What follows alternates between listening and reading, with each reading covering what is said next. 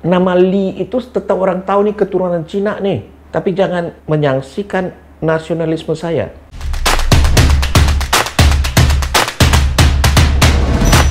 Hai,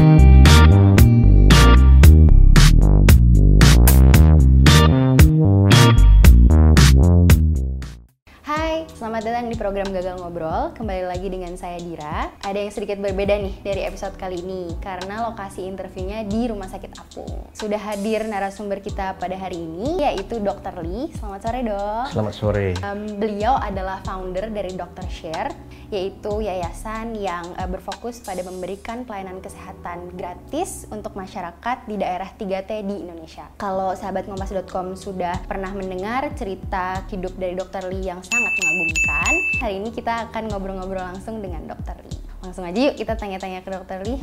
Saya pernah dengar nih dok, makanya mau konfirmasi dulu. Katanya dulu dokter uh, pernah berkali-kali gagal masuk fakultas kedokteran. Apakah benar dok? Betul. Benar. Bagaimana ceritanya dok? Dokter itu sudah cita-cita saya sejak kecil. Saya di tahun 1964 mendaftar di berbagai fakultas kedokteran di Pulau Jawa.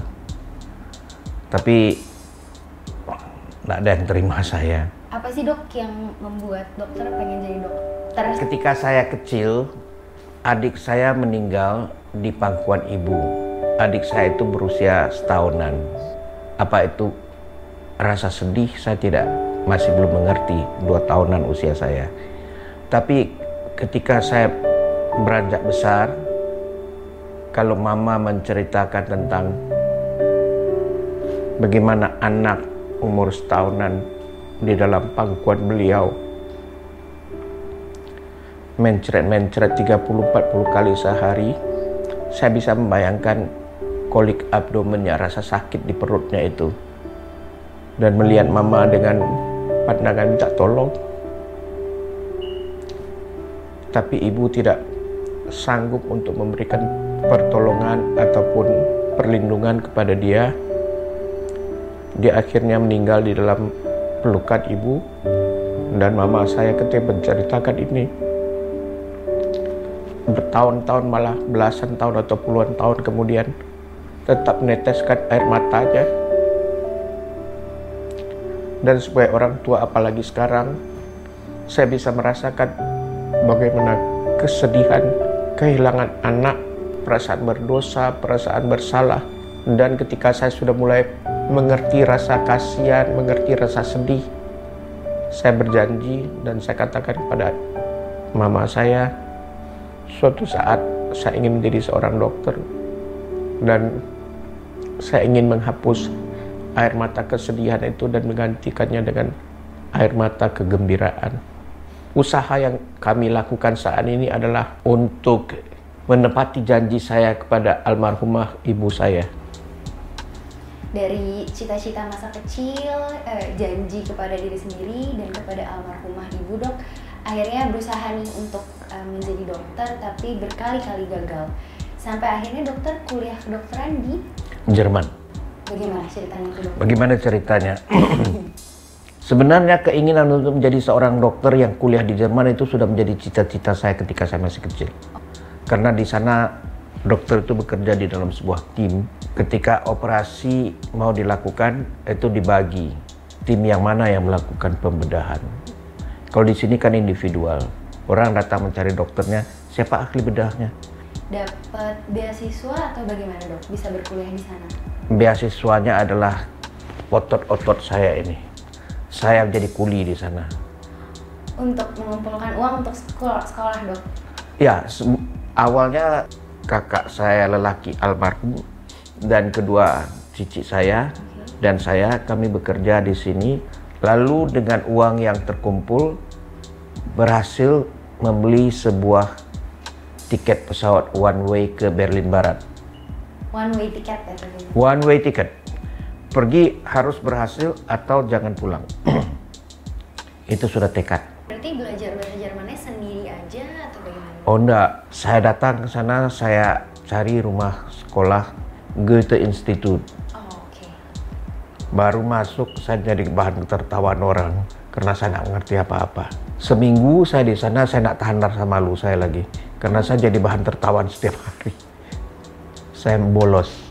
Di rumah saya menghafal kamus yang saya hafal dan grammarnya. Sesudah seminggu saya masuk lagi dan saya sudah berubah, tidak jadi bahan tertawaan lagi. Saya adalah orang yang tidak mau menyerah dan punya keinginan kuat untuk berhasil.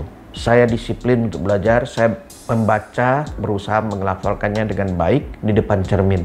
Itu saya lakukan setiap hari, setiap hari jadi tips juga dok buat yeah. teman-teman yang mau belajar yeah. bahasa. Kalau bisa les ya les, tapi juga belajar sendiri harus disiplin ya dok. Harus disiplin. Disiplin itu sesuatu yang harus kita tegakkan. Kalau ogah-ogahan, kita tidak akan berhasil. Kalau kuliah kedokterannya sendiri kan um, semua orang juga udah tahu dok di Indonesia aja susah gitu. Gimana kalau di Jerman dok? Kalau di sini sus sudah susah, di sana lebih susah saya rasain. saya adalah mahasiswa yang sangat rajin. Setiap hari saya duduk paling depan kuliahnya. Selesai kuliah, saya masuk perpus takaan. Belajar lagi dok? Belajar lagi. Saya tidak punya uang untuk beli buku. Di sana saya pinjam buku, saya belajar. Dengan bahasa yang pas-pasan, saya duduk di perpustakaan, saya baca dari atas ke bawah satu jam itu. Selesai di atas ke bawah, saya sudah lupa apa yang dibaca di atas. itu sangat membuat saya frustrasi. Tapi saya tahu tujuan saya datang ke Jerman untuk apa dan saya harus berhasil. Itu menjadi cambuk bagi saya untuk terus belajar. Setelah selesai S1 kedokteran di Jerman, kemudian melanjutkan lagi dok sekolah sampai S2 dan S3. Esteller enggak dok? Estelernya adanya di Indonesia. Pikir untuk berkarir di Jerman aja atau bagaimana dok? Saya punya karir universiter yang baik di sana. Saya sudah punya banyak tulisan-tulisan yang dipublikasikan dan saya sudah berkali-kali mewakili fakultas kedokteran kami di Jerman untuk membawakan paper di berbagai belahan dunia. Tapi saya tetap mau pulang itu adalah cita-cita saya. Dokter di sini jauh lebih dibutuhkan daripada di sana dan saya bangga akan keindonesiaan saya, nasionalismenya saya. Ini boleh bilang abi aci ya. Abi aci apa dok? Aku bangga akan keindonesiaanku dan aci aku cinta akan Indonesia. Mantap, abi aci. Pas pulang ke Indonesia langsung bisa berkarir atau bagaimana dok? Saya hampir kembali lagi ke Jerman karena saya mendapatkan banyak kesulitan untuk memulai berkarya di sini. Tahun berapa itu dok? Tahun 1985. Saya berbulan-bulan lamanya saya mencari tempat untuk adaptasi, selalu mendapatkan penolakan pintu ditutup. Jadi alasan penolakannya secara terbuka dibilang bahwa dokter tidak boleh bekerja di Indonesia. Saya akan cerita sejujurnya apa yang membuat saya marah. Saya pernah datang ke salah satu fakultas kedokteran di Pulau Jawa. Pak, saya mau adaptasi di sini. Oh, nggak ada tempat dok. Adaptasi itu setengah tahun. Saya tunggu setengah tahun lagi, satu semester lagi. Jadi dua semester nunggunya. Oh tetap nggak ada, sudah ada yang nunggu katanya. Oke, saya hitung-hitung sudah yang kelima. Jadi dua setengah tahun saya mau nunggu untuk dapat adaptasi. Akhirnya keluar kata-kata yang sangat tidak menyenangkan. Nama saya waktu pulang Lee Tekbi bukan Lee Darmawan. Untuk nama yang begini-begini tidak ada tempat katanya. Oh terima kasih Pak, langsung saya ambil berkas saya, saya pulang. Karena namanya dok? Ya. Kemudian pada akhirnya dokter harus mengganti nama menjadi Lee Darmawan? Ya. Coba lah lihat. Ini kan dagelan ini. Nama keluarga tidak boleh diganti, nama depan diganti. Nama Lee itu tetap orang tahu nih keturunan Cina nih. Tapi jangan menyangsikan nasionalisme saya. Setiap orang warga negara Indonesia harusnya cinta Indonesia. Tidak ada lagi kau keturunan Jawa, dia keturunan Batak, dia Kristen, dia Muslim, dia Hindu. Tidak ada itu. Yang ada kita Indonesia. Inilah bineka tunggal ikannya kita. Janganlah negara yang besar dan indah ini kaya lagi, tapi kenyataannya masih banyak penduduknya yang hidup di bawah garis kemiskinan. Jangan salahkan orang lain, salahkan diri sendiri.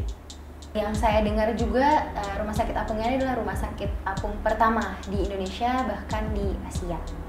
Bagaimana dok uh, idenya? Idenya datang ketika bertemu dengan seorang anak yang ususnya terjepit berlayar tiga malam dua hari. Apa yang masuk ke mulut keluar tumpah semua.